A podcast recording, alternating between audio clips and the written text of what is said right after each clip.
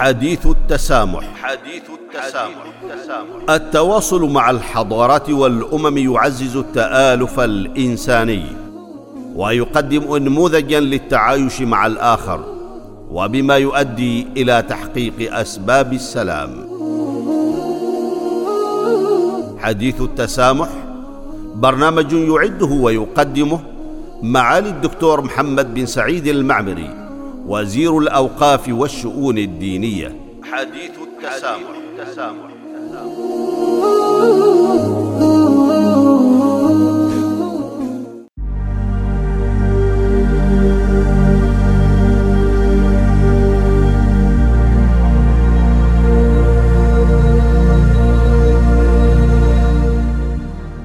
بسم الله الرحمن الرحيم الحمد لله والصلاة والسلام على رسول الله وعلى آله وأصحابه أجمعين ومن تبعهم بإحسان إلى يوم الدين.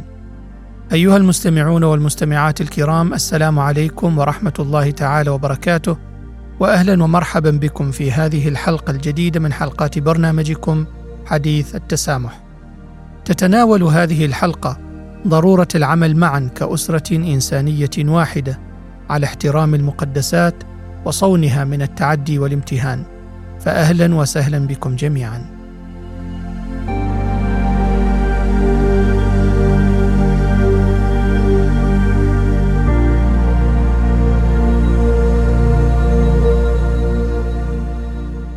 أعزائي المستمعين والمستمعات أوردت عدد من الصحف والمواقع الإلكترونية ووسائل التواصل الاجتماعي في افتتاحياتها بأنه ليس منطقيا استخدام حرية التعبير مسوغا لأفعال شنيعة تكرس للكراهية والتعصب والتناحر وتستهدف زعزعة الأمن والاستقرار وتتنافى مع القيم والمبادئ الإنسانية والأخلاقية. وفي مقدمتها للأسف الاعتداء على الرموز والمقدسات الدينية. إن العالم أحوج من أي وقت مضى حاليا إلى العمل كفريق واحد وأسرة واحدة إنسانية لدعم مبادئ التسامح والتعايش السلمي. وهي أسس ينبغي رعايتها والالتزام بها إذا أرادت الدول والحكومات تحقيق الاستقرار والتنمية المستدامة. إن السماح لمتطرفين بإحراق نسخة من القرآن الكريم أقل ما يوصف به أنه تهرب من المسؤولية الدولية. وعدم احترام للقيم الاجتماعية واستفزاز يؤجج مشاعر المسلمين حول العالم.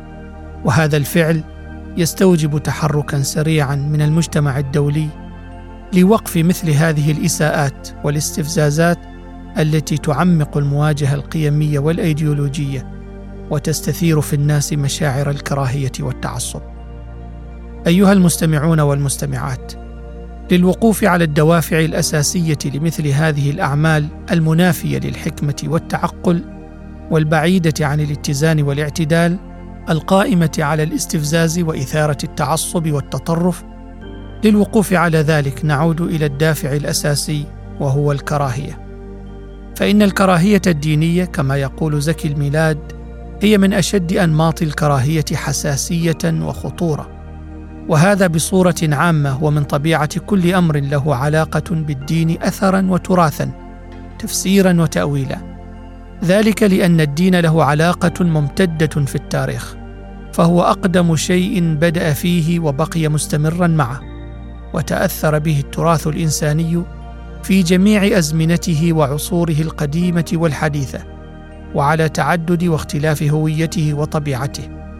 واتصل الإنسان به وتفاعل معه بطريقة تكاد تمس جميع جوانب حياته وفي أدق تفاصيلها الجزئية واليومية. وما زال يحتفظ بتأثيره التأثير الذي ليس من المرجح قطعا أن ينقطع أو يتوقف. والمقصود بالكراهية الدينية ذلك النمط من الكراهية الذي يتصل بالمجال الديني ويتحدد به.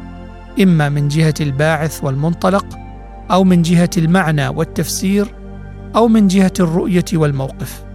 هذه ثلاث جهات قد تتصل أو تنفصل وباتصالها أو انفصالها فإنها تسهم في هذه الحالة بتوليد كراهية يصطلح عليها من حيث الوصف والطبيعة والمجال بالكراهية الدينية.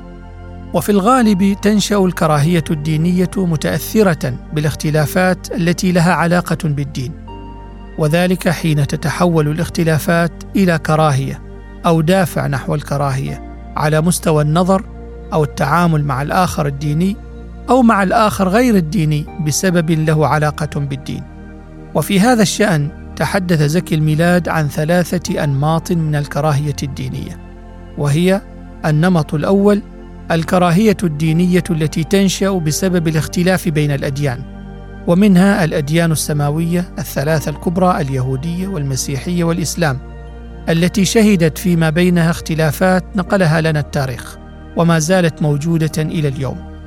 والشعور بهذا النمط من الكراهية قائم وموجود بين أصحاب هذه الديانات جميعا وهذا يعني أن الكراهية الدينية ظهرت في إطار هذه الديانات الثلاث وبين معتنقيها والمنتسبين إليها. وقد تضرر الجميع من هذه الكراهية واشتكى ويشتكي منها ويكفي معرفة ما بين أتباع اليهودية وأتباع المسيحية من كراهية متوارثة من التاريخ القديم. ترجع إلى الاتهام الذي وجهه المسيحيون إلى اليهود بصلب وقتل السيد المسيح حسب الرواية المسيحية. النمط الثاني الكراهية الدينية التي تنشأ بسبب الاختلاف بين المذاهب الدينية في إطار الدين الواحد. وهذا النمط من الكراهية ظهر في جميع الديانات السماوية التي حصل في جميعها انقسامات وتعدديات مذهبية. تولد منها ما نسميه بالكراهية الدينية.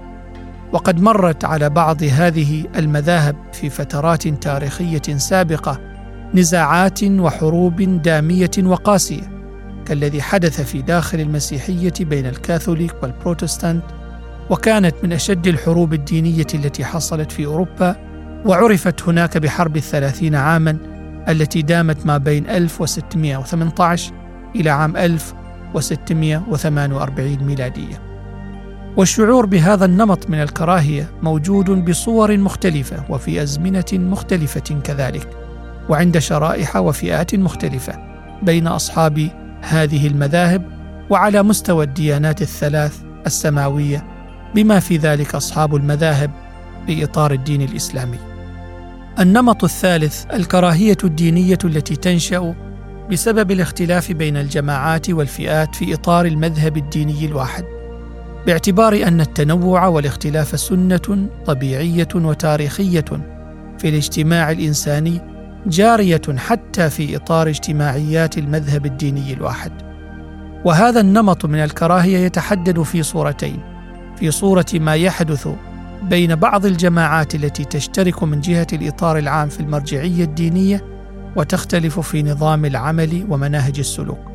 وفي صورة ما يحدث بين بعض الفئات الدينية وغير الدينية بسبب اختلافات فكرية أو اجتماعية لها علاقة بالدين أو بالمجال الاجتماعي الديني على طريقة ما يحدث بين بعض الأتباع في المذاهب الإسلامية وغيرها.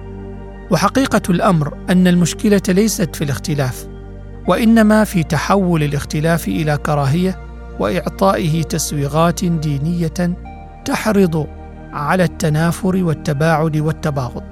وقد يتطور الأمر ويصل الحال إلى الدعوة لعدم مجالسة المختلف معه والابتعاد عن مجاورته وترك توقيره ومكالمته ومجادلته وعدم بسط الوجه له وحتى السلام عليه ويلامس راشد أنبارك منبع المشكلة في كتابه فلسفة الكراهية بقوله: توجد فئة من الناس تحترف الكراهية، تزرعها وتسقيها وتنميها، وتدعو إليها وتبشر بها. لقد صارت الكراهية في بعض النفوس نوعا من العقيدة، لها جلال العقائد التي تجب حمايتها وصيانتها وإحاطتها بسياج يمنع أن تمس أو تناقش أو توضع موضع المساءلة والاستشكال. وهذه الفئة من الناس قد توجد ووجدت كما نعلم ويعلم الجميع في مختلف الديانات والمذاهب والجماعات والفئات وهي تشترك مع اختلافها في طباعها الذهنية والنفسية. والتي تتسم في العادة بالتعصب والانغلاق والجمود. وختاما يقول ديش جيلالي إن الإساءة إلى الأديان تحت غطاء حرية التعبير تحريض على الكراهية الدينية وتدحض الجهود الدولية الرامية إلى تضييق الهوة بين الشعوب والأمم على مختلف انتماءاتهم العقائدية ويساهم في تنامي ظاهرة العنف باسم الدين. التي تكون نتيجتها الحتمية صدام الحضارات.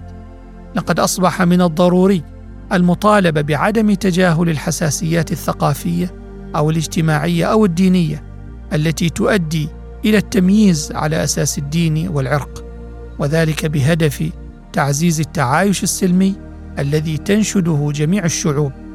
فالمحافظة على حقوق الإنسان التي اكتسبت نتيجة لكفاح الشعوب عبر العصور يجب أن لا تهدر بسبب تعدي حرية على حرية أخرى. هذا ونقف عند هذا الحد ونلقاكم في الحلقة المقبلة بعون الله ويسره. حتى ذلك الحين نستودعكم الله والسلام عليكم ورحمة الله تعالى وبركاته.